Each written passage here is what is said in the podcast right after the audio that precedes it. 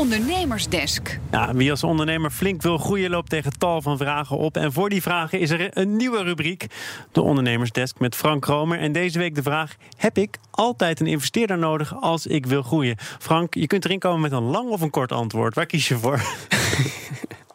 Zal ik maar het korte antwoord geven? En dat is uh, gewoon ja, want uh, je hebt eigenlijk altijd kapitaal nodig om te groeien. Uh, nou kan het natuurlijk zijn dat je als ondernemer al eerdere successen hebt, dus dat je al een aardig bergje aan kapitaal hebt liggen. Maar in de meeste gevallen is dat natuurlijk niet zo. En dan ja, moet je op zoek naar geld. Maar je kunt toch ook gewoon lekker als bedrijf in je eigen tempo verder groeien? Kom je er ook?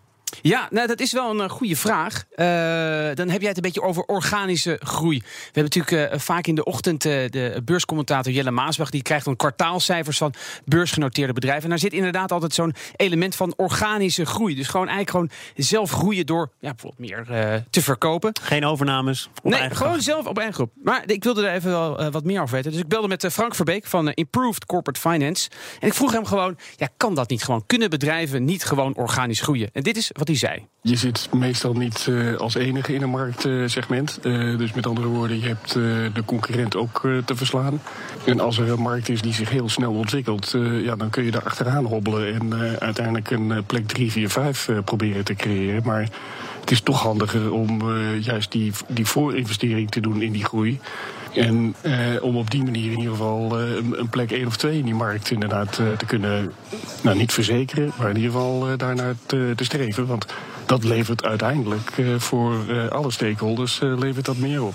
Plek 1 en 2. Je wil dus sowieso niet verliezen. Dus ga je naar zo'n investeerder op zoek. Wie of wat is dan in dit verband de investeerder? Ja, dat is eigenlijk uh, iedereen die geld in je bedrijf uh, steekt. Uh, je ziet natuurlijk vaak bij start-ups, dat, dat heb je het over de spreekwoordelijke drie F's: Friends, Families en Fools.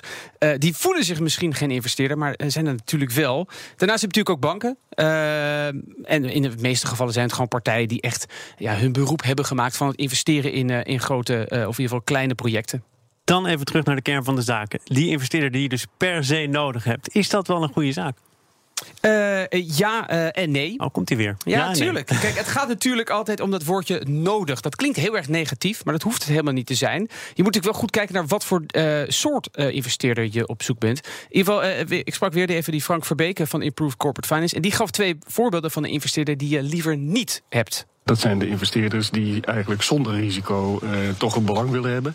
Die doen dat dan in de vorm van een, uh, van een lening, waardoor ze uh, toch inderdaad ook op basis van, meestal in de vroege fase, een belang kunnen verwerven in een jonge onderneming. Ondertussen wordt hun lening met rente afgelost en houden hun belang. en dan heb je ook nog ook wel een beetje de Nederlandse mentaliteit. De investeerder die een ondernemer heel snel zeg maar, stuurt richting cashflow neutraal. Of als even kan zelfs inderdaad gewoon uh, winstmakend. Terwijl dat voor de groei uh, misschien niet het beste is.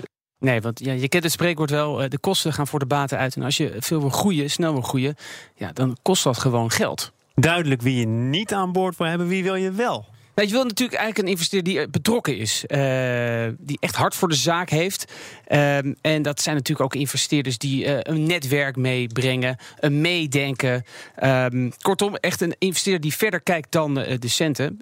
ik had een leuke jongen gesproken, Leon Haverkamp. Die is een tennisplatform begonnen, Scala. Zij fungeren als een soort spin in het web tussen verenigingen en spelers. Nou, ze zijn anderhalf jaar geleden gestart.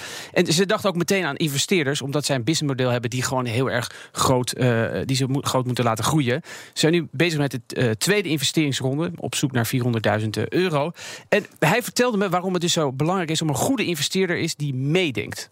In het begin ben je een uh, klein team en alles wat er dan bij komt, dat heeft enorme impact op je, op je bedrijf. Dus zowel aan de eerste mensen die je aanneemt, maar ook investeerders die erbij komen. Daar, ja, daar moet je toch een goede uh, bepaalde relatie mee hebben.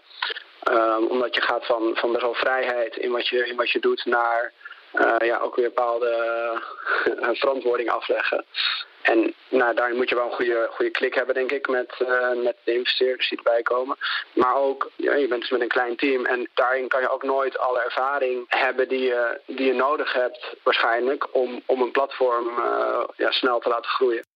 Ja, dus als uh, je wilt groeien, hè, dan heb je dus eigenlijk wel kapitaal nodig. En als je het nodig hebt, ga dan op zoek naar een investeerder die echt wil meedenken en er niet puur voor het rendement in zit.